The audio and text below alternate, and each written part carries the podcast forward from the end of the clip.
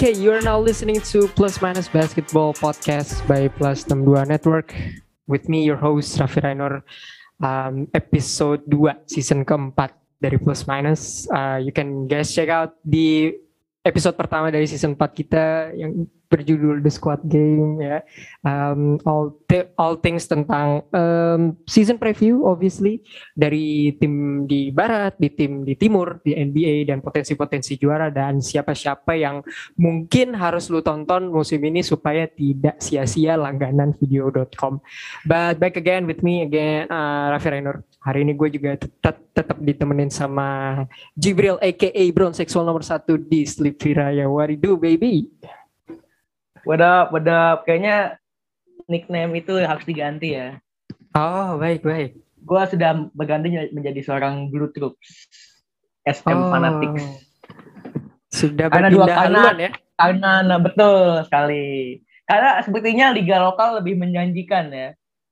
Oh. Tim favorit saya oh. di liga lokal ini lebih menjanjikan untuk back to back. Oke oke, ada ya orang yang lebih memilih liga di dunia negara dunia ketiga. Tapi nggak apa-apa bro, nggak apa-apa bro. Gue mengerti. Nanti kita in the upcoming episode kita juga ngebahas tentang uh, IBL.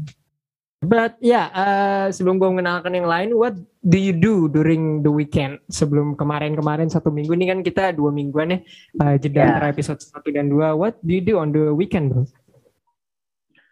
Uh, ya seperti biasa gue masih latihan-latihan aja sih karena gue masih ada karena gue kan ikut klub juga ya gue masih latihan tugas kuliah. Ya kan kita kan sekelas tahu lah pasti kesibukan oh, iya. masing-masing ya tebak-tebak bisa lah. Iya iya. Sama okay. nyari nyari duit nyari duit buat ya nyari duit buat nyari cewek. Ah baik. Semangat untuk itu. Uh, menemani kita di episode ini back again di episode keempat uh, we have Raditya Adi Pradana. Good to have you back man. Halo bro. Yap yap yap yap. Welcome back di season terbaru. Uh, ya yeah, buat lo yang dengerin season 3 pasti familiar dengan Radit ya. Dia muncul di around 9 episode terakhir di season kedua. So uh, apa yang lu lakuin selama all the off seasons, man, sampai goes to sehari ini ya, mungkin? Ya gini-gini aja sih kan, kuliah, main basket, gabut, gitu aja gitu, repeat repeat gitu aja terus. Ah. Tapi pas lagi lagi pengen butuh hiburan terus nonton Lakers terus kayak anjing lah. Libu, eh, hiburannya iya. justru let iya. down banget ya. Iya. Itu sih. Oke. Okay. Oke. Okay tidak tidak Netflixan atau mencari hiburan yang lebih pasti gitu. Itu juga itu juga sih Alright, alright. Banyak yang bisa lu tonton. Kalau lu bingung referensi nonton nih, kita juga ada podcast film namanya podcast asik. Siap, siap. Nah, gue, gue sendiri, terus, masuk iya, terus. bos. Masuk terus, bos. Gue sendiri habis menonton banyak film Netflix ya, termasuk drama-drama Korea yang sepertinya seru sekali untuk ditonton akhir-akhir ini ya. So yeah, uh, basically siap, siap. that Menemani kita bertiga hari ini, we have a full lineup team dan the fourth man, the fourth man will be welcome Reinhard Lim, aka NBA Info.id. What's up, man? What's up, guys? Thank you for having me. Yes, sir. Um, musim baru ya. Uh, seberat apa lu menangani musim yang sepertinya akan menjadi musim terliar di NBA ini, man? ini baru mulai musim tapi udah banyak drama ya sepertinya. Drama yang belum selesai. Ada satu da satu dari Brooklyn satu dari Philadelphia. Itu aja sih yang yang yang gue penasaran sama, sama drama dua drama ini nih. Gimana kelanjutannya nih?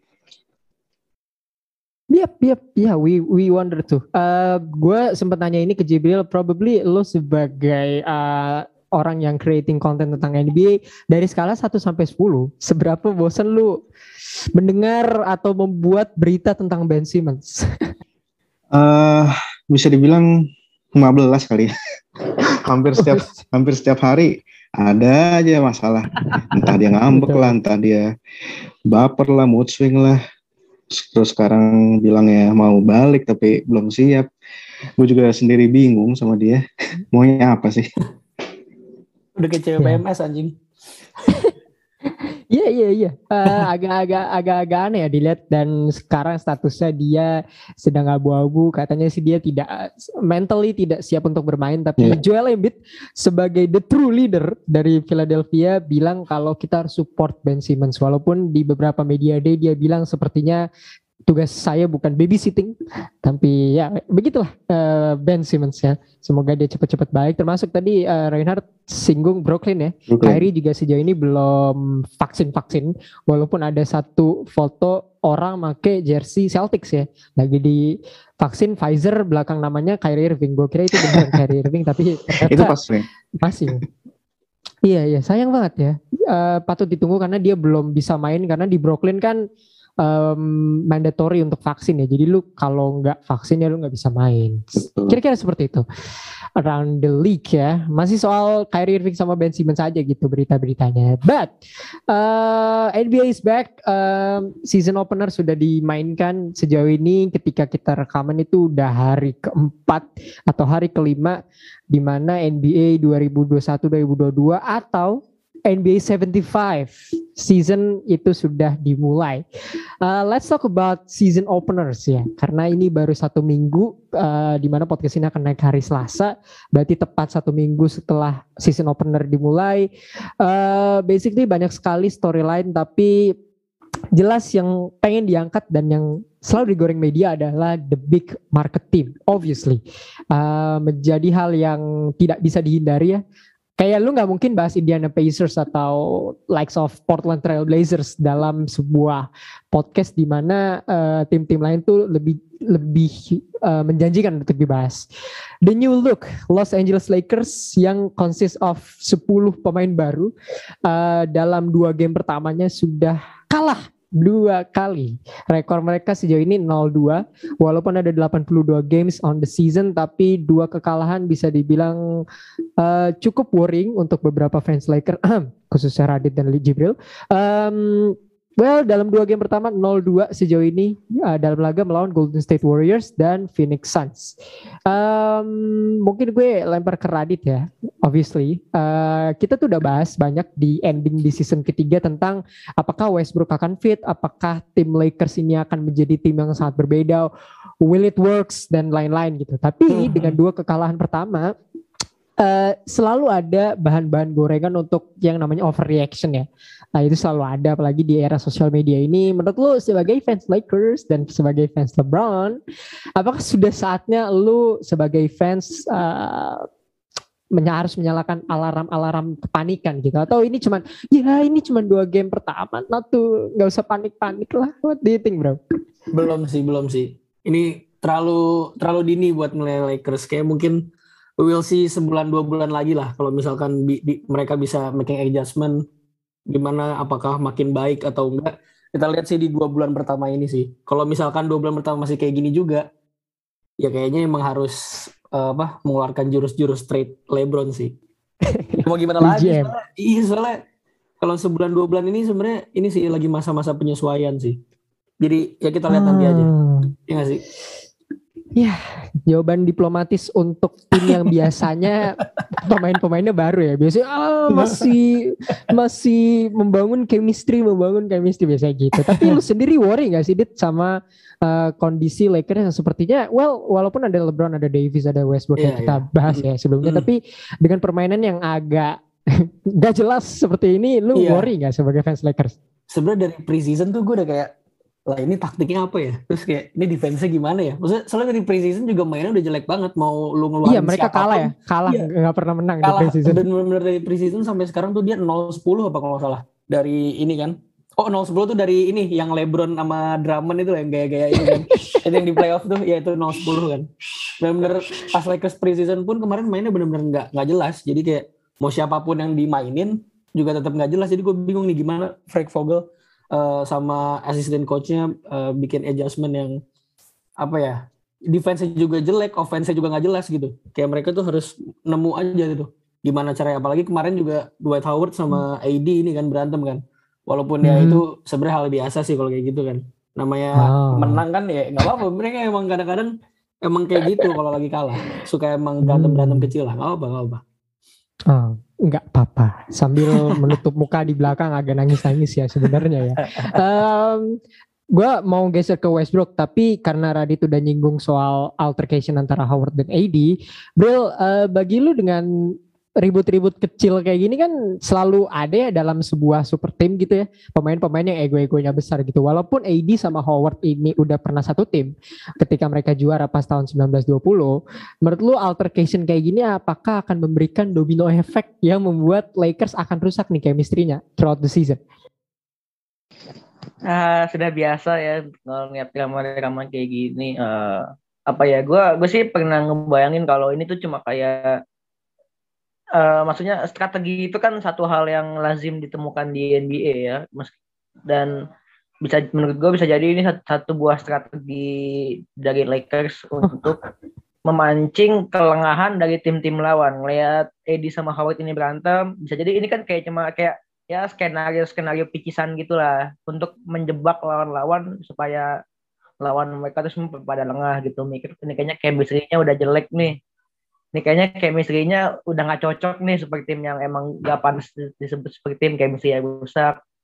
Sengaja kalah dulu 4-5 game pertama abis setelahnya baru dibahas bisa jadi sih. Hmm. gitu. Ya meskipun gue udah mau pindah haluan tapi tetap harus mendukung Raja lah ya masa. Oh jelas. Tapi menurut gue bisa kayak gitu sih maksudnya uh, semenjak banyaknya hal-hal yang di luar perkiraan terjadi dalam hidup gue gue tuh nggak nggak berani menyimpulkan hal-hal yang mainstream gitu terlalu males gitu sih okay. bisa ya bisa jadi bisa jadi ini tuh kayak ya kayak ya akal-akalannya ya maksudnya orang tua lah ya pemain tua kan akalnya banyak kan veteran hmm. pasti hmm. banyak punya banyak pengalaman di laci pertandingannya dia gitu jadi pasti ini bisa jadi satu buah ya strategi lah gitu ya bisa gue bilang kayak alright alright strategi tim-tim lain gimana caranya untuk menang kalau ini strateginya bagaimana membuat gimmick yang baik supaya media terkelabui oleh mereka. oke oke okay, baik baik.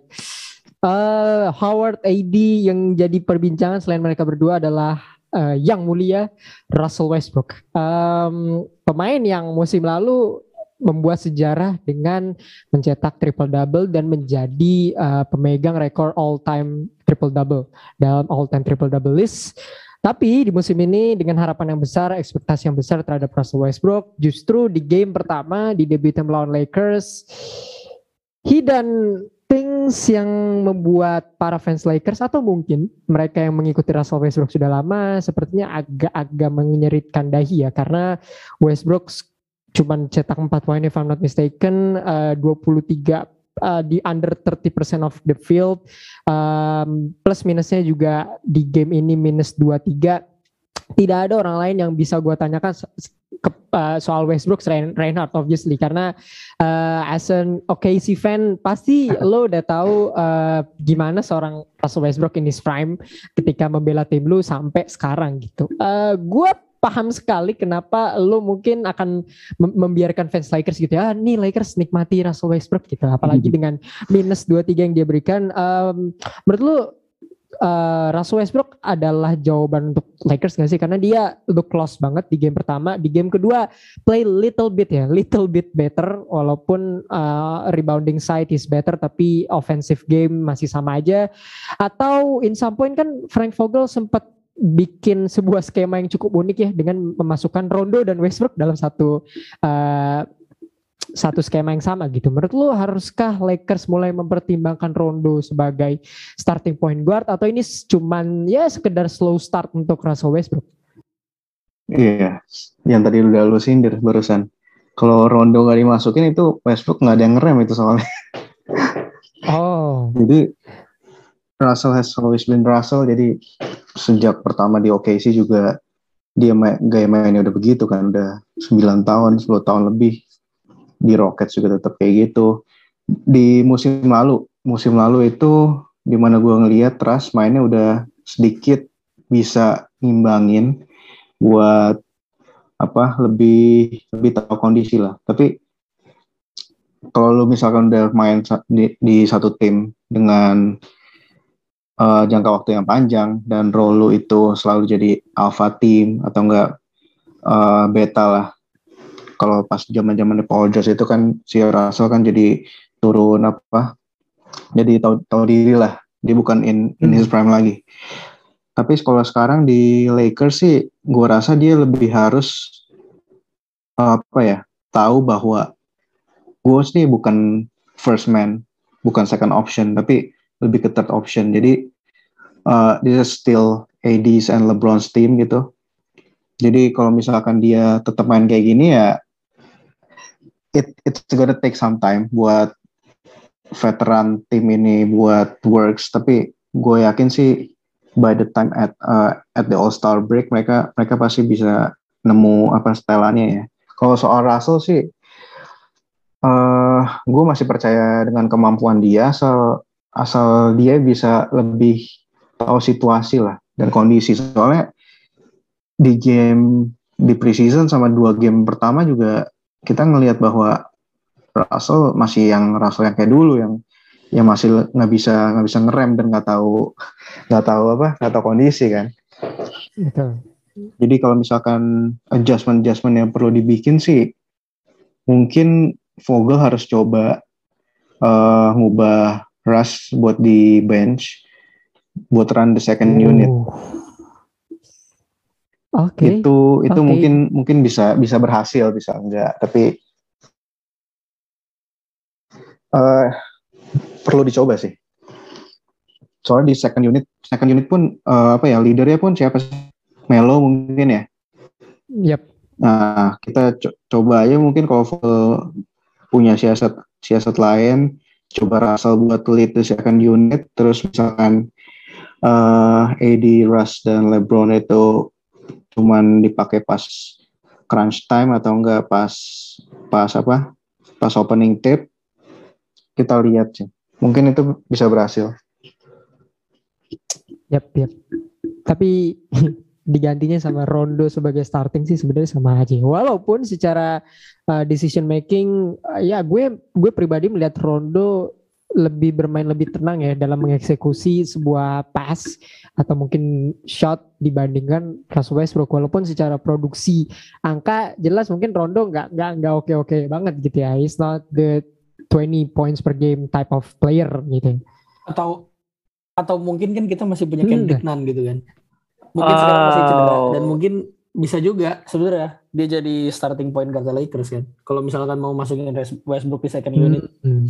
Kendrick Nunn juga ya maksudnya play style mungkin kayak Dennis hmm. Schroeder juga gak sih yang kayak masuk-masuk ke dalam shooting-shooting. Itu juga lumayan sih sebenarnya. Ya, yeah, I prove gitu. Gue sebagai fans sweet sih uh, setuju maksudnya gue udah punya punya pengalaman punya tim yang gue dukung dengan Kendrick Nunn sebagai starting point guard but um, ketika bermain sama LeBron, AD, Melo, Howard dan beberapa pemain veteran lain kan jelas ada bahasanya uh, demam panggung gitu kan jadi menurut gue untuk memasang yeah. Kendrick mm, sebagai nah, starting point guard sih agak too early tapi it's okay untuk mix and match ya yeah, karena yeah, regular yeah. season mm. kan untuk beberapa tim gitu ya, terutama timnya LeBron itu kan bagian yang mix mm. and match gitu kan. Yeah. Jadi ya mungkin yeah. bisa dikonsider juga karena dia belum main ya gue juga baru sadar si Kendrick Nunn ini belum main terus uh, banyak banget rookie yang coba dimasukin kemarin nomor 15 ya uh, pretty decent shooter dan dia bisa diutilize sebagai a very good 3 D player ya karena Lakers ketika ada Reeves yeah. di dalam hmm. tim itu bisa bermain dengan lebih baik mungkin bisa diutilize di sisi itu ya satu orang yang cukup gua agak bingung uh, apa ya fungsinya di Lakers juga salah satunya adalah di Andre Jordan. Gua agak uh, there's so many big men di yeah. Lakers tapi di game lawan Suns kemarin mereka justru kalah points di paint ya. Suns tuh 48 berbanding 18 Lakers. Di saat Lakers punya yeah. Howard, mm. Davis dan Jordan di paint gitu ya. Best of gitu kalahnya sama Aiton dan Suns juga.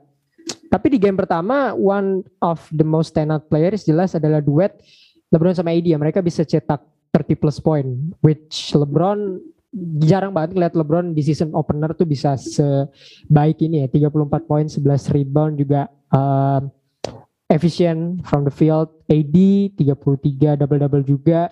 Um, sejauh ini Lakers shooter terbaiknya adalah LeBron James gitu. Uh, Bril lo kalau jadi LeBron ya misalnya. Ini kan semua tim yang ada LeBronnya pasti kalau kalian disalahin LeBron.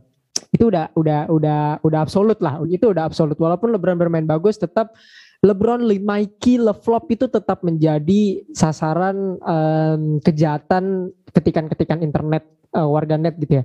Lu kalau jadi LeBron di sekarang tuh lu akan sepusing apa? Memiliki tim yang punya empat pemain yang masuk ke dalam NBA 75 anniversary team ya pemain yang di dalam-dalamnya adalah multiple All Star, multiple All NBA, termasuk pemain-pemain juga dengan kondisi sekarang yang orang-orang bilang, "Oh, Lakers look lost gitu ya." Gak bakal jadi juara bla bla bla. Lu kalau jadi LeBron sekarang yang ada di pikiran lu apa yang akan lu lakukan sebagai pemimpin gitu di di tim lu? Uh, sepertinya momen 2018 Kev akan terjadi lagi ya. Di mana pertukaran-pertukaran besar uh, akan terjadi ibarat dulu Belanda sama US tukeran Pulau Manhattan sama Pulau Run yang banyak rempah-rempahnya tuh ya di tukeran tukeran.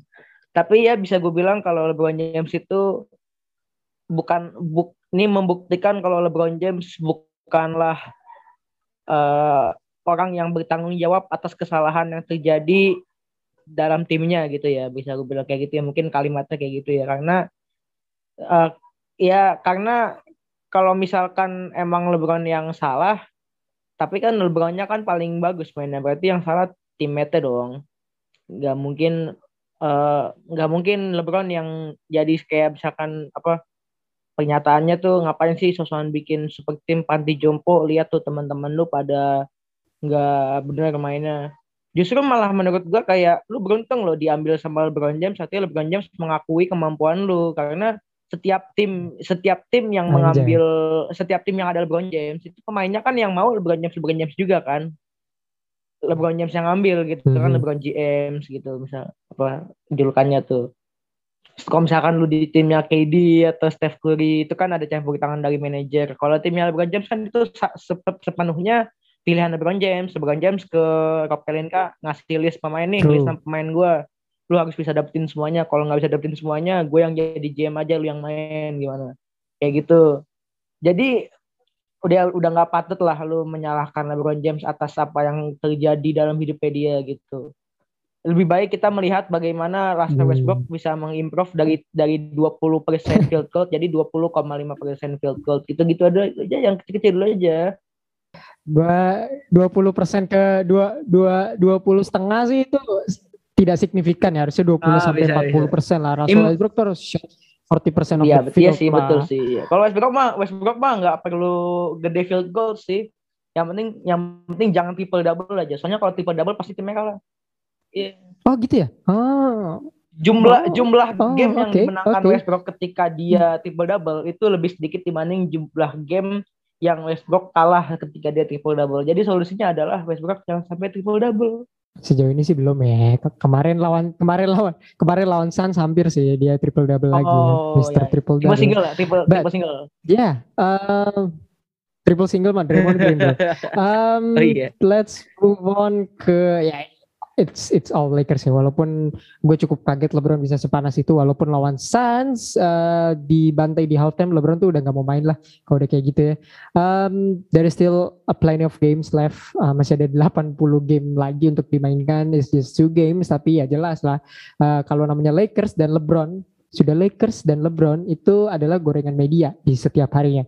But um, Stephen Curry uh, sejauh ini tampil mengesankan triple double lawan Lakers triple double pertamanya sejak Januari 2016 long overdue untuk Curry di game kedua lawan Clippers back to back LA teams Curry cetak 45 poin 10 rebound 25 di antaranya adalah di first quarter um, I pass it to Reinhardt. Uh, will we see the best of Warriors this season ketika semuanya healthy? Ini sejauh ini mereka belum main sama Wiseman. Sejauh ini juga Clay Thompson juga belum balik. Um, siapa lagi yang belum balik? Yang pasti ini Warriors masih 60-70 persen lah, if I can say. Uh, mereka ngalahin dua LA by fine margin. Curry cetak triple double dan 45 poin in the next game. Pertanyaan pertama, will we see the best of Warriors this season ketika semuanya healthy? Dan kedua, apakah Stephen Curry akhirnya akan mendapatkan MVP-nya yang tertunda musim lalu? Of course, gila. This is this is Golden State team yang yang udah pernah juara tiga kali dan core-nya juga masih sama kan. Clay, Curry, Draymond, Iggy. Sekarang musim ini ada Iggy lagi. IG. dan ya eh gue cukup apa ya takjub sih sama Jordan Poole. Yang mainnya bener-bener he's uh, I think he's gonna be in six man of the year candidate ya. Oh bukan MIP karena orang-orang banyak prediksinya dia mau super player. bisa bisa jadi juga Oke. tapi kalau off the bench off the bench ya produksinya uh, above 15 kalau nggak salah Mhm, mhm. points per game. Dan itu improve banget dari lumayan improve dari season-season lalu. Dan Clay Clay juga diprediksi belum balik sampai Desember atau enggak Januari. Uh, I mean adjustment adjustment mah bisa dilakuin sama Steve Kerr ya. Nggak usah nggak usah apa ya nggak usah khawatir buat fans Warriors karena this is their their their core gitu. Mereka nggak perlu banyak adjustment lagi, tinggal cuman masukin Clay di apa di starting lineup. Dan kalau misalkan even let's say Clay is gonna be back 80% uh, dari dari dulu dari dirinya dulu itu udah udah udah udah udah cukup banget sih. Nggak cuma offense offense dia tapi defense nya juga salah satu terbaik di di di NBA Yep, yep. Probably the best, the best, the best 3 and D player gitu ya. for Curry uh, musim lalu pun dia Curry juga udah kalau nggak salah top 3 MVP voting Ya, kan betul, kalau nggak salah. and he's gonna uh, I don't know. It's either Curry atau Giannis sih. Oh. again. Oke, it's either Curry or Giannis. Tapi Curry looks looks mad, crazy ya. looks hungry Iya, looks hungry. hungry Gila, kemarin lawan Clippers tuh he shot like lawan Lakers tuh kan dia buruk banget ya. Shotnya tuh kayak 3 from 10 something. Tapi dia masih bisa triple double. Dan waktu lawan Clippers dia 25 points, 10 per 10 from the field. Um, Hmm. Walaupun sempat di stop Terrence Mann in some point, tapi he is he is different man. He is different. dan dan banyak orang yang lupa kalau Curry is, is not just a scorer gitu he can do a lot of things Yep. he can pass the ball pretty well Terus 10 assist itu hal yang hal yang biasa kalau bagi dia dia mau passing terus setiap game juga he can he can he can get 20 assist mungkin Betul, betul. So Tapi kalau tapi tapi Yep, yep. tapi ini apa menurut gue ini sih eh, Steve Kerr tuh kayak siapa pun pemain yang dia mainin ya pas gua pas gua nonton ya pas lawan Lakers nih ya Hmm. siapa pun pemain yang dimainin kok dia bisa nguasain pertandingan? Itu gue gue bingung aja kayak because because the ball movement Golden State is the Iya. key gitu. Iya ball movementnya bagus banget sebenarnya. Kalau dilihat pas lawan Lakers anjing lu mau turunin siapa aja udah ya three point masuk ini masuk ini masuk ya. Bagus aja dan defense-nya juga bagus gitu. Even nemanja Jelika yang iya. di Kings Iya. dan di Wolves itu biasa aja. Dia menjadi eh, San Francisco Jokic gitu. iya iya. Kayak Joker KW gitu kan ya. Bisa bisa begitu kan. Ini Iya, kayak iya. emang udah sistemnya sih. Ini emang mereka sistemnya udah bagus sih. Jadi kayak kalau ya, dibandingin sama Lakers bener-bener ya jomplang banget. Satu Iya. iso ball dan Mm, mm, mm, slow pace satu lagi fast pace and three point and the Iya. ball movement mm, mm. spacingnya juga ada dan Wiseman belum balik Wiseman kan uh, apa uh, stretch stretch big kan Yep. iya iya dia juga suka shoot the, the three juga Man, nggak sabar sih melihat mereka full team nanti True, true, true. iya iya iya Jadi ya kita bisa bilang Steve Kerr sekarang bukan pelatih yang cuma di take sama Curry, Thompson, bla bla bla ya. Karena banyak orang yang bilang Steve Kerr bagus, terlihat bagus hanya karena tim yang dia manage itu bagus. So melihat dari ya dia udah taking over Warriors tuh lebih dari lima tahun. So sistem permainan tadi Kradit bilang tampil sangat bagus. Pemain yang dia kasih sistemnya itu juga bagus. I mean, namanya Jelika, man. I mean, gue suka pemain Eropa gitu. Tapi ngeliat namanya Jelika bisa double-double lawan Lakers tuh different type. Aneh, ya, aneh aneh, aneh, aneh. Karena Jelika tuh biasanya cuman dijadiin spot up shooter kan. Dan sama Iya, Steve ini iya. dia dijadiin untuk "Ih, lu battle di paint gitu. Kayak kemarin ngeliat ada Jelika lawan AD, Jelika lawan LeBron gitu kan Mm, mm, mm. is different dan kayak kemarin Lakers kebetulan juga ngasih banyak three point open threes yang unnecessary kepada Warriors. Dan mungkin Frank Vogel lupa kalau Warriors itu salah satu tim dengan three pointer yang cukup bagus gitu. Jadi banyak dikasih juga dan lawan Clippers man.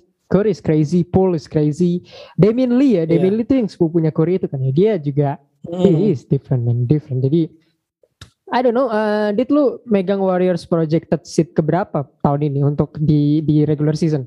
Karena gue sama Jibril naro Warriors either di 4 or 5, lu naro di Warriors di top 3 kah?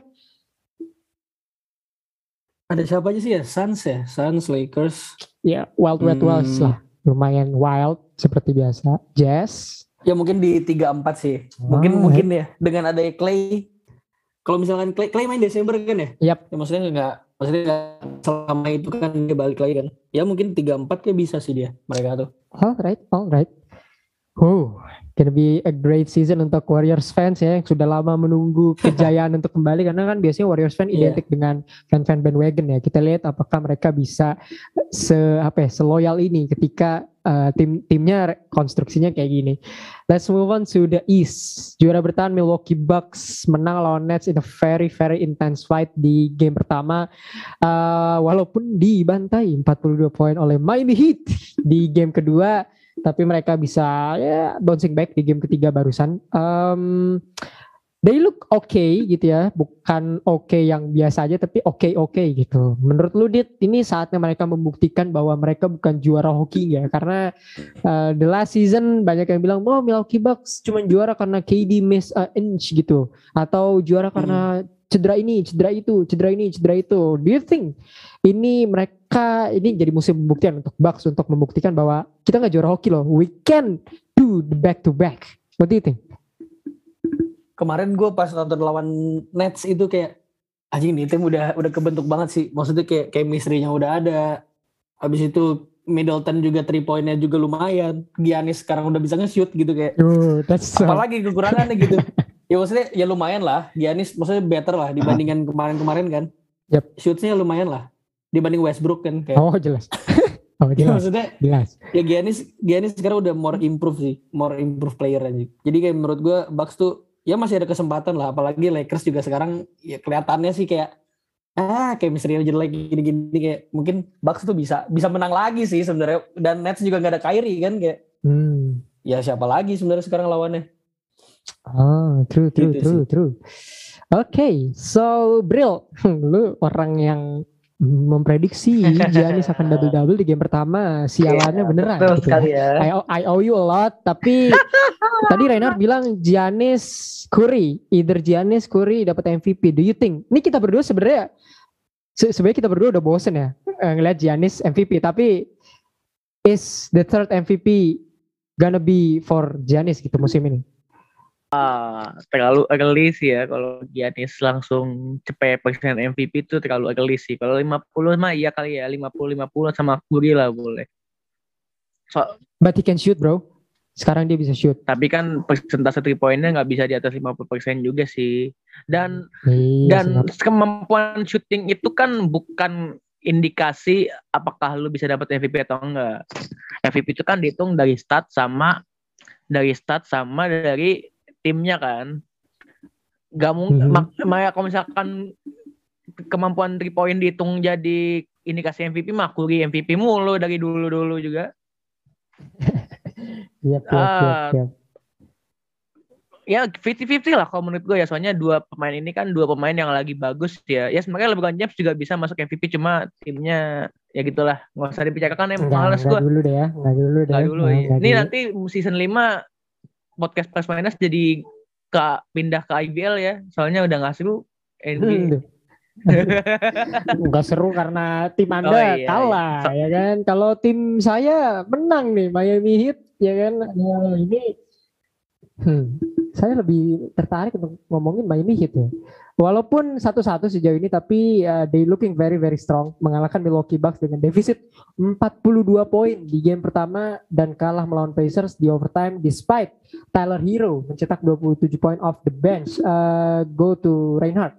Lu melihat Miami Heat sejauh ini how far this team will go gitu dengan perubahan-perubahan. I mean Kyle Lowry playing pretty decent. PJ Tucker udah mulai lompat-lompat kayak prime Dennis Rodman enggak bercanda. Tapi dia udah bermain uh, hustling very very great gitu. Uh, banyak pemain-pemain muda yang taking over. Jimmy Butler playing great, uh, Bam Adebayo playing good. Far this team will go man with this new look? Hmm. With this new look sheet uh, dari apa yang mereka udah akuisisi di off season, uh, definitely datengin Kyle Lowry bener-bener boost banget daripada Goran Dragic.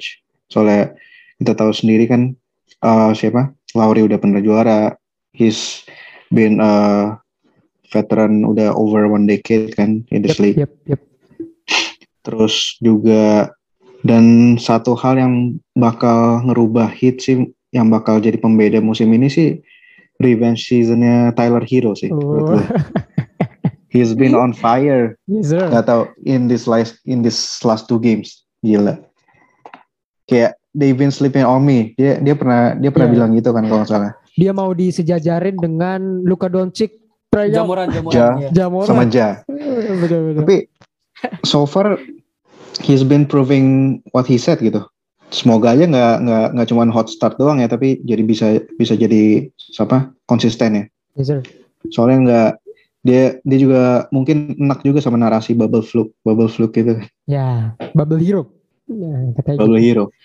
And for this team, I guess they will crack the top four or top five in in the East. Hmm.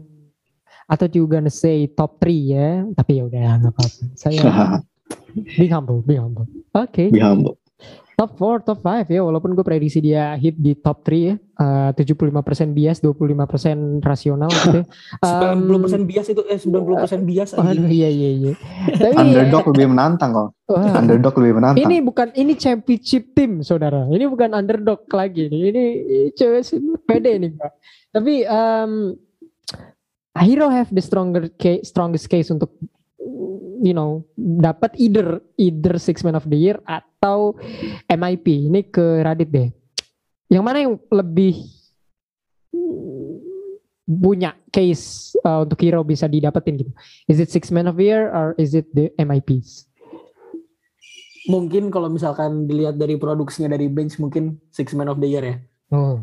Iya gak sih? Kalau kalau misalkan dia averaging 25 poin per game misalkan ya. Dia kayak gitu ya terus. Misalkan, misalkan kayak, dia kayak gitu terus Iya. kayaknya dia bisa jadi six man sih. Hmm, MVP siapa coba six man yang bisa 25 poin per game? Ya kayak MVP juga cuma kayak mungkin mungkin bisa bisa a case sih kayak mungkin kalau MIP udah diambil sama Jordan Paul ya gak sih? Oh, oke.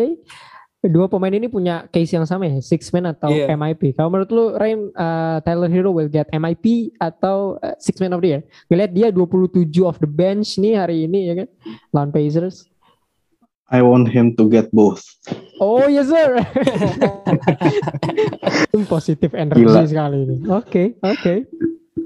I want him to get both. Kalau misalkan at least he's 25 points off the bench, I mean it's definitely six man of the year and definitely most improved player. Alright. Alright, alright. Setelah membuat lagu bersama Jack Harlow, sepertinya Tyler Hero tidak seperti Mobamba ya, yang habis dibikinin lagu flop. So, MIPs and Six Men, that's tough man. Positive energy sekali. Tapi kalau ngomongin positive energy, ini ada tim yang bagi gua, gua tuh eh, akhir-akhir ini lagi semacam menulis di medium ya. Gua nyaranin 5 tim yang harus lo tonton in order untuk tidak rugi eh, dalam langganan video.com. Salah satunya adalah The Chicago Bulls. Sepertinya the newest fan favorite. Ini tim yang bagi gue sepertinya sulit untuk menemukan cara untuk membenci tim ini? Karena satu eh, memang tim ini secara historis lebih banyak disukain orang ya. Jarang banget ada hatersnya gitu. Kecuali brown seksual pasti nggak suka sama Chicago Bulls.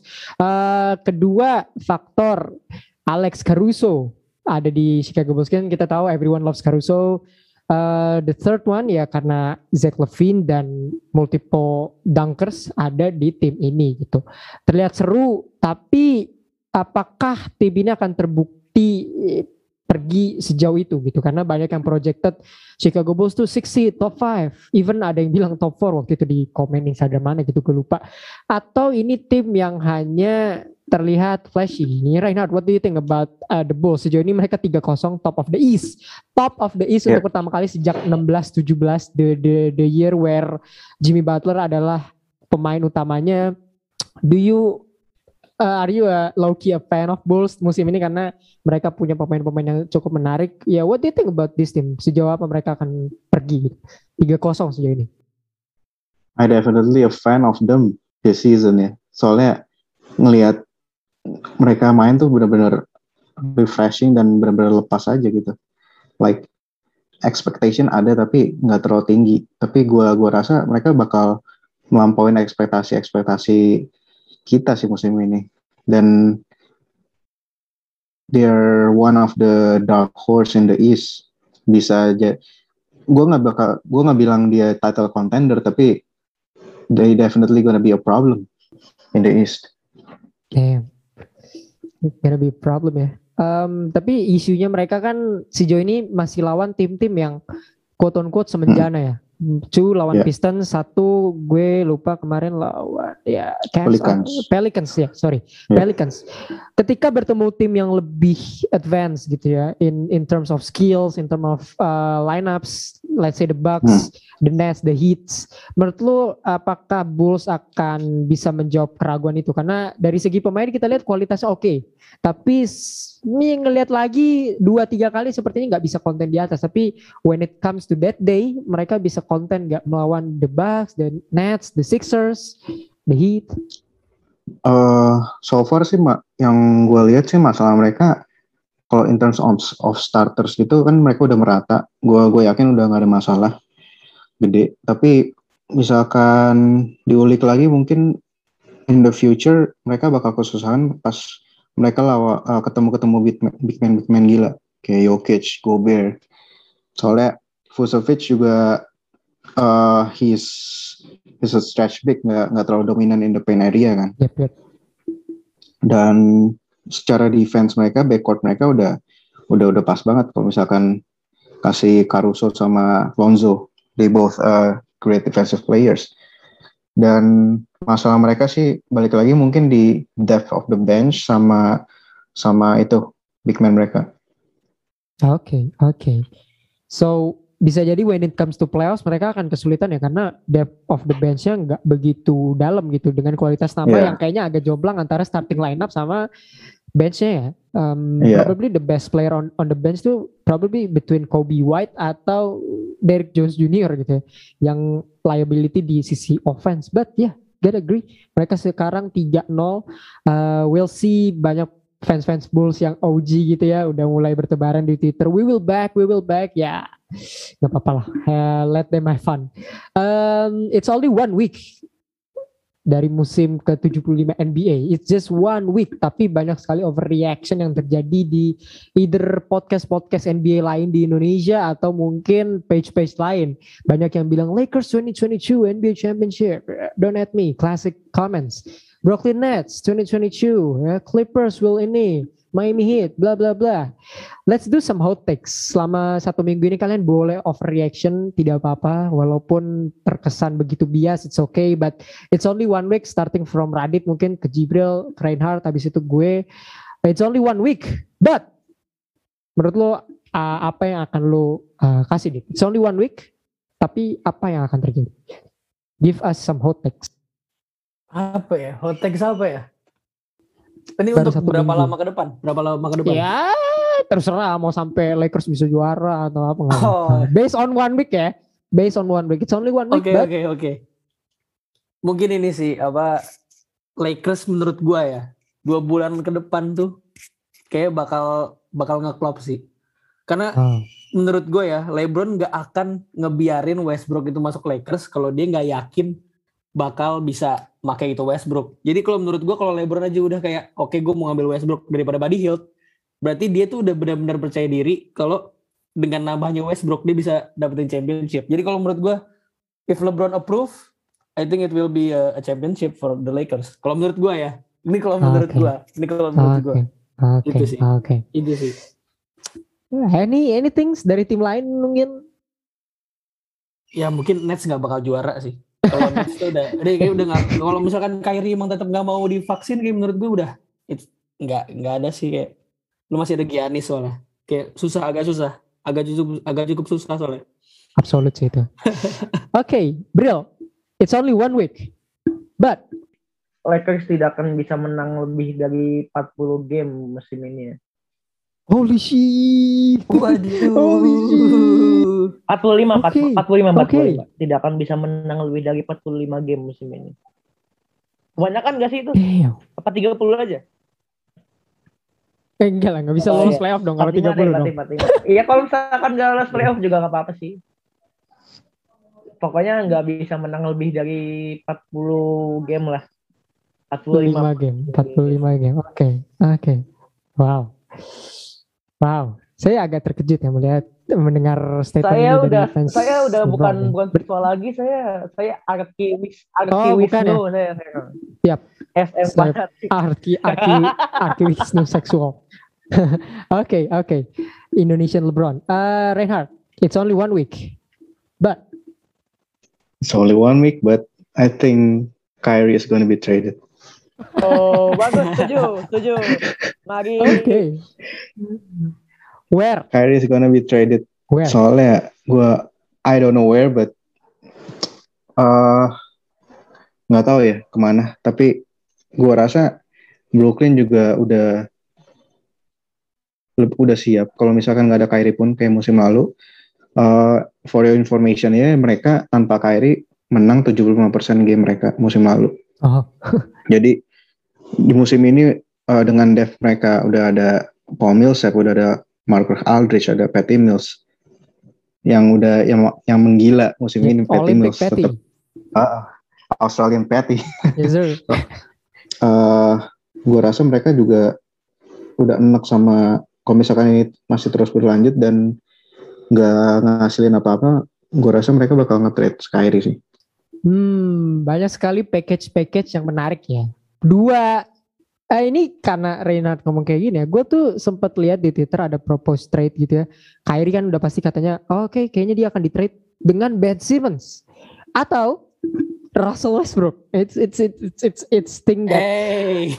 bisa saja terjadi man. I mean the the reunion between LeBron dan Kyrie ke Lakers dan kalau ditukar Trio oke ya, sih. Berarti. Westbrook kan reuni dengan Harden dan Durant, tapi gue ragu sih Nets mau Westbrook ya. Eh, ta- tapi tapi kalau of- misalkan dia emang gak mau divaksin, bukan emang gak bisa main apa gimana sih? Maksudnya dari Eh, segi peraturannya?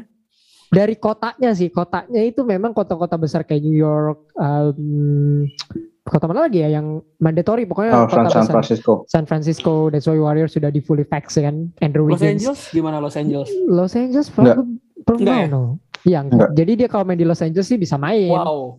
Oke Bisa sih, main. oke banget sih. Tapi oke banget sih kalau di Los Angeles sih oke banget sih. Tapi gue ragu Nets mau Westbrook ya jadi. Hmm. Iya, iya, What iya. about Ben Simmons for Kyrie Irving, Dit? Karena kalau Kyrie main di Philly juga dia bisa main sih karena dia nggak ada mandatory ini kan. Cuman Ben Simmons kayaknya nggak dibutuh-butuhin amat di Sixers. Iya sih, tapi kan kayak nilainya Kyrie kayak lebih jauh lebih tinggi daripada Ben Simmons gak sih? Oh gitu. Mungkin akan bakal ada tambahan pemain dari Sixers mungkin. Oh, Danny Green kali ya? Enggak lah, bercanda. Oke, tahu sih. gue tidak akan centered around ini kali ya. Gue nggak akan ngasih centered around Lakers, tapi it's only one week. But Lonzo Ball is an all-star this season, man. Gonna tell you Ooh. that. Gonna tell you that. Ooh. Kita akan Over kita akan- Zach? No, no, both, both Both, Chicago Bulls. okay. ya. Zach Levine dan Lonzo Ball will be an all-star this season. Over Lamelo, over Lamelo. Aduh, aduh, iya, iya, iya, iya, iya. iya. Aduh. They, they still have Lamelo, man. Man, Lamelo, Oh, man, iya, Lamelo, Lamelo. satu satu conference ya? Aduh, Hey. mampus.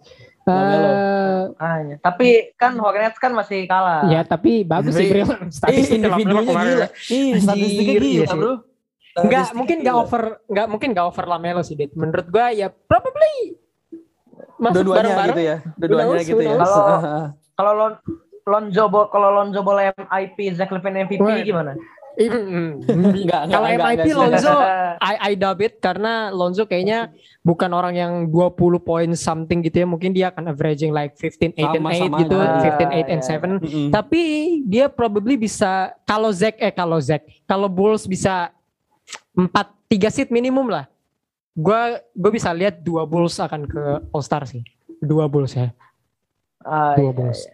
Mini, paling paling nggak bulan Desember udah top Hmm, 4 lah ya. minimal ya, minimum ya, ngeliat dari track sekarang sih. Tapi nggak tahu nanti lawan tim gede tapi itu. Oke, that's it from ya the the topic di segmen pertama it's far ya panjang juga ya, so very very long topics. Um, tentang uh, season opener, we move on ke segmen kedua.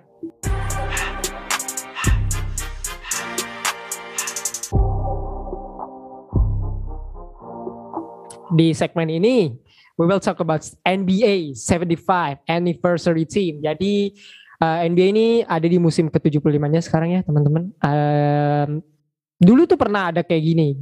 Uh, 25, 35 sama 50 anniversary team. Jadi NBA akan mengumpulkan pemain-pemain terbaik yang pernah bermain di liganya dan in this case adalah 75 slash 76 karena ada yang votingnya imbang ya.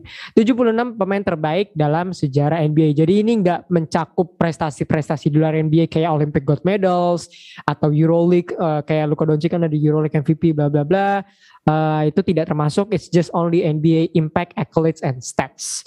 Um, sudah di banyak di-upload di beberapa media um, termasuk di at podcast plus at podcast plus minus di NBA info juga ada so you can guys check it out karena gue tidak akan menyebutkan 76 pemain di sini ya karena akan makan waktu um, selalu ada perdebatan di antara tim-tim kayak gini kayak All NBA, the All Stars, the MVPs, bla bla bla. Tapi kita belum mendebatkan di situ.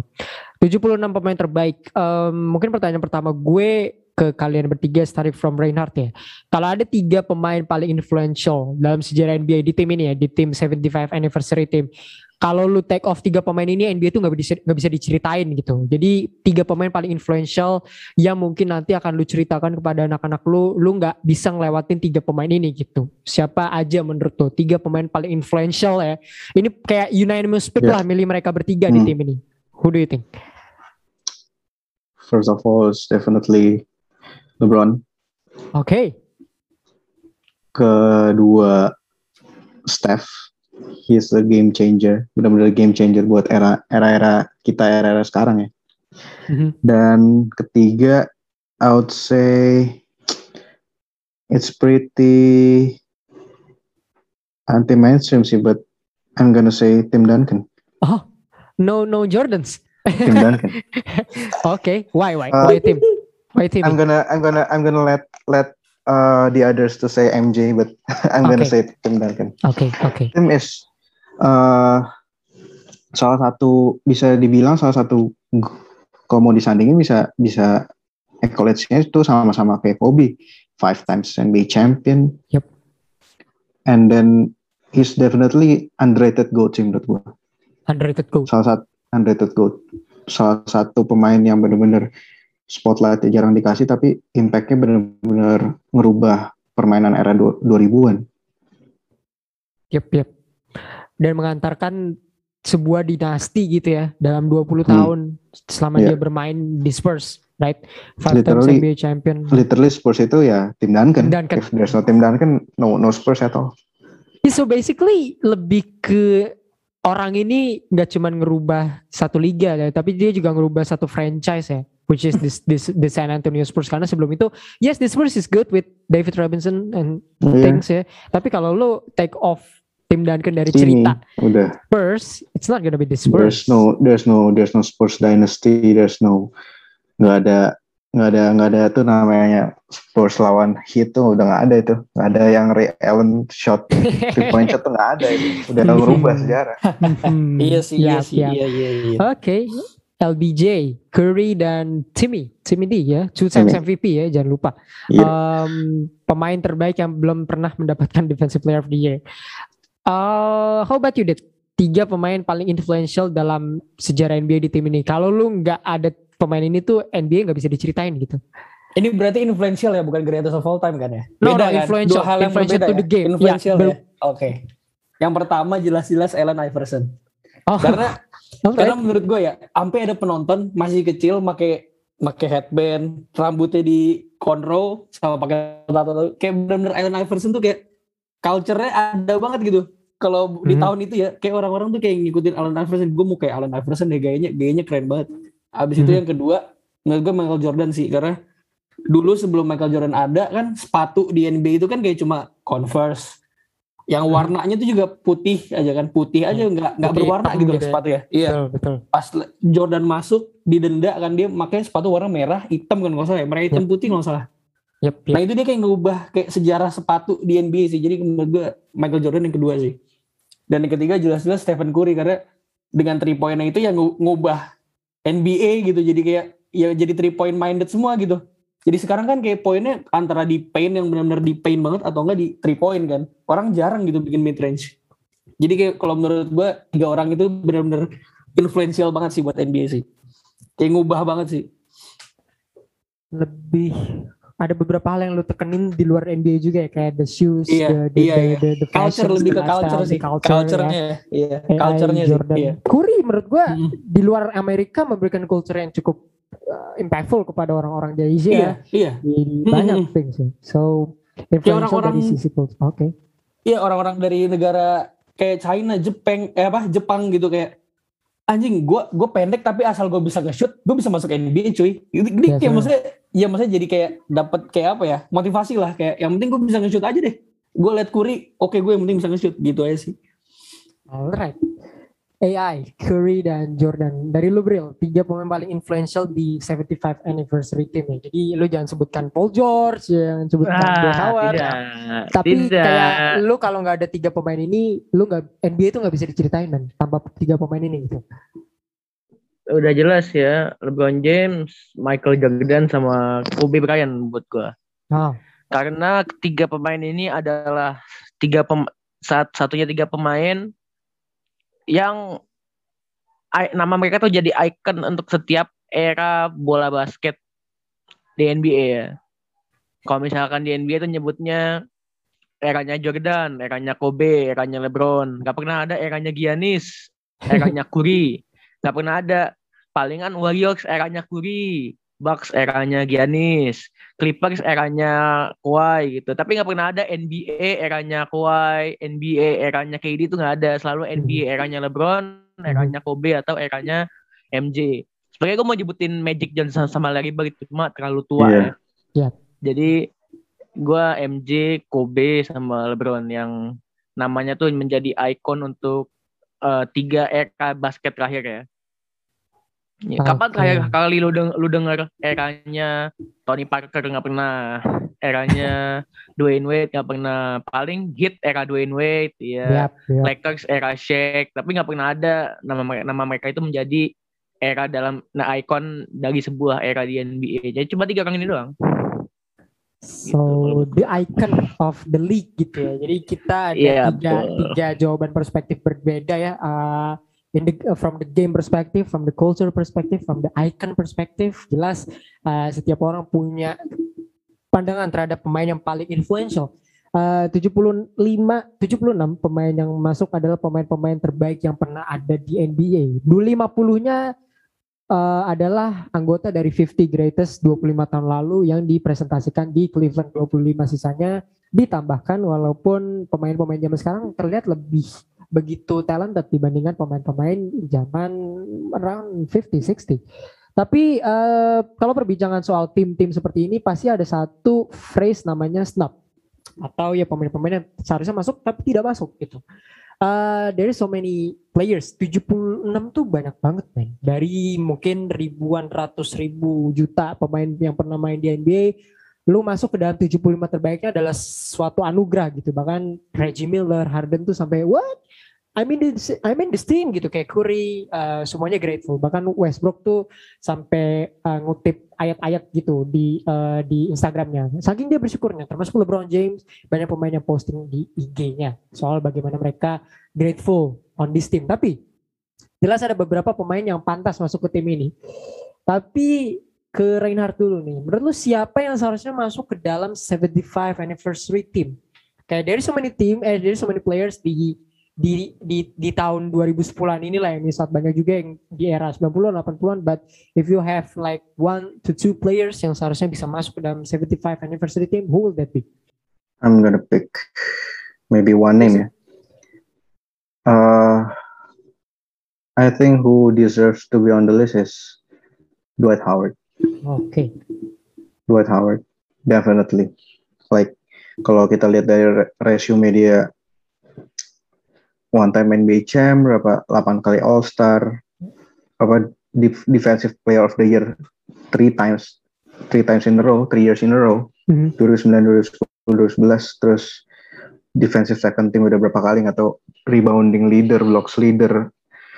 I mean, it's definitely more than uh, some other players yang udah dinominasiin gitu. But back again ini kan benar-benar voting, jadi it's gonna be like ada bias bias sedikit lah tergantung votersnya siapa. Tapi kalau menurut gue sih berdasarkan resume yang ada sih karirnya Dwight definitely top 75 all time.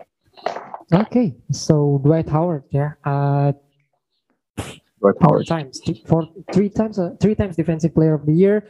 Uh, tiga-tiganya itu ber, berturut-turut ya. Uh, one of the, yeah. ya sayang sekali di second half of his career tuh kayak trajectory-nya down ya especially setelah dia pindah ke Lakers walaupun dia di Rockets itu masih producing very very good numbers gitu kayak 20 point 16 rebounds per game bahkan sempat masuk All Star hmm. um, kalau lu bisa ganti satu orang yang ada di 75 anniversary team gue sih mungkin akan mengganti dengan pemain yang lebih tua ya mungkin yang di era 50 60 tapi dengan consider meng, meng, meng, um, kita nggak pernah ngeliat mereka so we kind of respect the the OGs gitu ya, kayak Dolph Chase, Dave Bing dan bla bla bla. Tapi kalau lu bisa ganti yeah. satu pemain dengan Dwight Howard, lu akan ganti dengan siapa?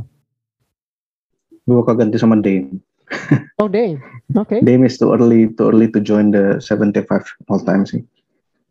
Like hmm. uh, dari seluruh karir dia, gue tahu dia pemain yang benar-benar he he also gave a massive impact to the game, but from the resume perspective, uh, he's not there yet. Oke. Okay. Hey, Dwight Howard for Damian Lillard. Gue tuh sama juga sempat nyinggung tentang hmm. siapa yang akan masuk ya, apakah Damian Lillard atau Kyrie Irving gitu. Kita bilang sama setuju Kyrie Irving ternyata Damian Lillard yang akan masuk. But Dwight Howard is the first name. Bril, lu any names mungkin di luar dari Dwight Howard yang deserve menurut lu secara accolade, secara impact, statistik untuk masuk ke dalam 75 anniversary team? Oh, tadi gue penyebutin Dwight Howard sih ya susah sih ya setelahnya. Karena kebanyakan pemain yang nggak masuk 75 itu cuma pemain yang ya pemain yang sosial lah, cuma stats bagus doang tapi nggak punya accolade. Ah, aduh, gue pengen nyebut namanya tapi takutnya takutnya ini ini susah nih kalau mau nyebut nama ini nih. Ini gue nyebut, nyebut namanya karena terpaksa aja ya, karena okay, gak ada yang okay. lain ya. Oke. Okay. Paul George sih gue nyebutnya. Out of any players? Out of out of any players? out of any players? Ya udah ya udah ganti ganti ganti ganti ganti ganti. Jangan jangan jangan Paul George deh. Uh, Vince karakter aja kayak Vince Vince karakter kali. Oke. Okay. Oke. Okay. Sumpah gue bingung loh soalnya kebanyakan pemain yang gak masuk 75 itu uh, bagus di stats tapi di di di kalau pemain tua dia nggak punya banyak penghargaan kalau pemain muda masih terlalu baru masuk ya benar tadi kata Korea gitu ya masih banyak banget pemain muda yang bagus tapi masih terlalu awal buat masuk 75 gitu kayak ya kayak Luka kayak uh, siapa lagi pemain-pemain yang muda tapi udah bag, udah udah jago tapi masih belum pantas gitu buat masuk 75 gitu menurut gue sih. Hmm. Giannis kan juga masuk ya Giannis ya. Iya, Giannis juga masuk. The the, yeah, the jadi, earliest ya, pemain-pemain paling uh, late lah di draft class yang bisa masuk ke 75 team. Uh, itu dia. Paling kalau misalkan gue bisa bilang pemain tua ya kayak uh, uh, pemain-pemain kayak Pete Maravich gitu pada masuk juga sih ya maksud gue ya. Jadi, ya, jadi susah Pete Maravich masuk. Yang nggak masuk tuh um, nih yang nggak masuk tuh di Kime Mutombo ini yang yang uh, legitimate star di di di di di masanya dia ya. T-Mac, Tracy McGrady ya, uh, Ben Wallace, uh, yeah. Tony Parker, Clay Thompson. Ben Wallace kali gue, Ben Wallace. Ben Wallace, oke, okay, oke. Okay. Tony ada Tony Parker ya? Tony Parker, Tony Parker six time All Star, empat kali All NBA, empat kali NBA tapi Champion, 2003 Finals MVP nggak masuk. Terus ya, ada itu gue gue Tony Parker aja deh. Gantiin ah. Dame Lillard sama. Soalnya Gantiin Dame Lillard. Dame, okay. Soalnya Tony Parker kan punya Finals MVP. Kalau Lillard kan cuma Mickey Mouse MVP ya, jadi Oh, ya udah. Beda lah, beda. beda lah. Beda, beda. Oke, oke. Tony Parker over Damian Lillard. Kalau dari lu, Dit, um, any player you want add? Atau mungkin ada pemain yang bagi lu dia nggak deserve untuk berada di sini gitu. Uh, with all due respect kepada pemain-pemain yang udah masuk, tapi kayak setelah lu lihat namanya kayak you're not kind of deserve to be here, man. Gitu. Menurut lu siapa, Dit? Sama sih kayak lu pada kalau kayak pemain-pemain muda itu lebih cocok ke masuk NBA 100 kali ya. Kayak kayak Giannis apa siapa ya, Damian Lillard habis itu kayak Anthony Davis terus kayak apa bedanya sama Klay Thompson? Apa bedanya sama kayak Nikola Jokic? Ya padahal mereka juga MVP gitu. Mhm. kayak menurut gua masih masih terlalu awal sih mendingan mereka masuk di 100 sih. Terus kayak buat yang gantiin ya kayak orang-orang kayak Dwight Howard, Tony Parker yang benar-benar resumenya tuh udah gila sih. Sebenarnya kayak Tony Parker kan championnya kan gila kan sama Spurs kan kayak Hmm, four times. Ya menurut gue Dwight Howard sama Tony Parker kayak lebih cocok aja masuk di 75 sih. Mungkin kalau yang masih muda-muda tuh masuk di 100. menurut gua sih ya. Hmm. Belum solidified juga ya. Maksudnya belum sampai Iya. pemain-pemain kayak Yanis, AD kan belum lebih dari 10 tahun kan. Iya. Probably Lillard tuh udah Mhm. udah udah ih, bahkan Lillard belum 10 tahun banget. Dia kan masuk 2012. Dia belum 10 tahun banget dan pemain aktif yang paling late tuh ya AD, Lillard, Giannis. Menurut gue Giannis agak debatable ya karena dia udah MVP dan Defensive Player of the Year, dia juga NBA Iya. champion, so Iya, iya. probably gue masih oke dengan Giannis. But AD man, um, gue AD dan Lillard, AD dan Lillard sih gue agak-agak bingung ya karena kalau Mhm. kita put put put di konteks misalnya AD dan Howard, oke mungkin dari statistik AD kalah di Defensive Player of the Year, tapi mereka both are Iya. NBA champion one time gitu ya. Dari All NBA dan All Star juga jumlahnya gak jauh-jauh amat. Dwight Howard pernah ke final dua kali. Davis cuma sekali In bersama his LeBron. prime kan In ya? his prime In his prime. Iya. in his prime iya, Orlando iya. Magic dan dia beat Mhm. LeBron. AD joining Iya. LeBron dan AD belum pernah ke conference final bahkan belum pernah kalau gue nggak salah. Jadi I don't I don't see AD adalah 75 pemain terbaik sih. Secara kualitas Iya. mungkin iya, tapi Setuju. With all Iya, the iya. stats, resume, impact dan lain-lain sih gue nggak merasa AD adalah 75 pemain terbaik ya di NBA. Over Dwight, over Ben Wallace dan Dikembe Mutombo menurut gue tiga Iya. tiga pemain dif- ini kan Dikembe Mutombo, Ben Wallace dan Dwight Howard nih tiga pemain yang punya defensive player of the year terbanyak di NBA gitu. Lu kalau gabungin mereka 11 total defensive player of the year dan tiga-tiganya nggak masuk ke dalam 75 anniversary team. Gue nggak tahu apakah finalist itu nggak suka dengan pemain yang defensive minded gitu. Tapi tiga pemain ini menurut gue paling snap sih. Dikembe Mutombo mungkin statistiknya nggak begitu seksi gitu ya. Tapi he- he should be there gitu. Terus kayak Ben Wallace sih menurut gue. Five time All Star, five time All NBA, empat kali Defensive Player of the Year, NBA Champion juga, six time All Defense, bikin Mutombo. Ya mungkin statistiknya nggak sampai yang 18 All Star kayak LeBron bla bla bla, tapi kayak Damian Lillard what what did he do gitu? Ya dia memimpin Portland, I understand, one of the best point guard in the game. Bahkan dia nggak pernah scoring champion, MVP juga nggak pernah gitu. Em, ada pemain-pemain yang agak anti mainstream kayak yang bisa masuk ya kayak tadi juga udah sebutin kan Paul George gitu kan Nah, it's okay to be agak hipster tapi mungkin Rain ada pemain yang agak-agak ya college-nya biasa tapi gak ada very uh, big impact kepada game gitu di luar yang tadi udah kita sebutin bisa masuk 75 honorable mention deh. Hmm, yang deserve to be in the top 75 Hah, siapa ya? I mean T-Mac tadi udah disebut, terus uh, mungkin Manu ya, Manu Ginobili. Salah satu European player terbaik juga kan yang pernah ada kan. He changed the game juga. Like literally Euro step ya benar-benar apa? Iconic banget kan. Dan dia juga salah satu apa ya? trio Spurs yang bikin dinasti Spurs itu ada kalau kalau nggak ada Manu juga I don't think they will have five rings gitu sampai lima kali juara Oke. mungkin Manu Oke. sih kalau tadi kan Tony Parker udah sebut sama siapa Hmm. T-Mac udah sebut terus atau nggak Vince Carter mungkin bisa Vince Carter. Hmm. Alright, alright. Well ya, eh, untuk pemain non Amerika sendiri nggak begitu banyak ternyata ya jumlahnya. Eh, mereka tuh cuma ada berapa ya? Ada Dirk Nowitzki, Giannis, Hakim, pemain-pemain non Amerika tuh dikit banget. Sampel saya cuma empat orang atau lima orang. Dan ya kayaknya tidak begitu banyak pemain non Amerika yang join. Tapi mungkin nanti di top 100 25 tahun setelahnya mungkin guys like Luka, Jokic, Jokic juga agak kaget sih kenapa dia nggak masuk ya despite dia udah pernah gitu tapi kayaknya it's not enough yet untuk Jokic yang baru masuk tahun 2014 so ya yeah, um, ya banyak sekali perdebatan nggak akan selesai kalau kita ngomongin siapa yang berhak masuk dan tinggi tapi yang pasti pemain-pemain ini akan dipresentasikan di Cleveland di All Star Game.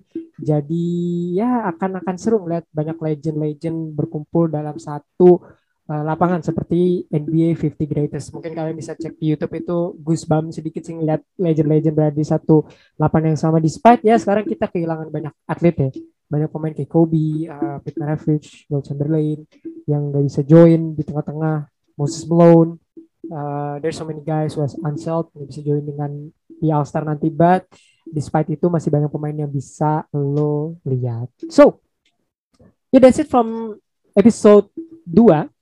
Thanks for Reinhard uh, to join us. Di episode ini, ber gue berharap ini bukan yang terakhir.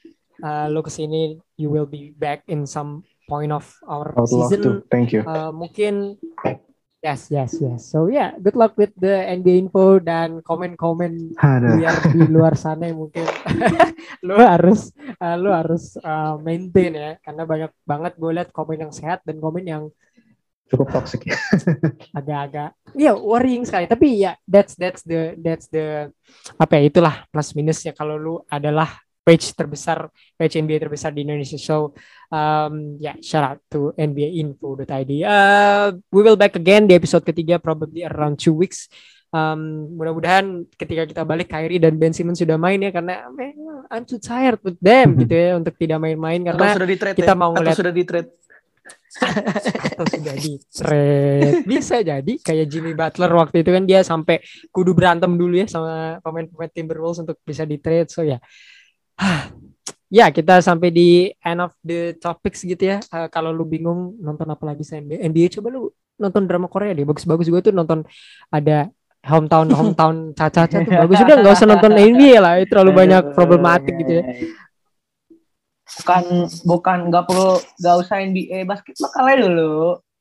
Ingat tahun ini season 2021-22 Satria Muda back to back oh oke dan oke. 2022-2023 Satria Muda akan kedatangan rookie Raja Muda Lebron Jibril Oh siap, amin amin dulu deh ya, amin dulu. Oke, so thank you Radit and Jibril to join us dan Reinhard. We'll see you in the very very next episode dan jangan lupa untuk komen karena sekarang kita udah ada di noise. So yeah, we'll see you guys in the next episode. Cheers. la la la la la la la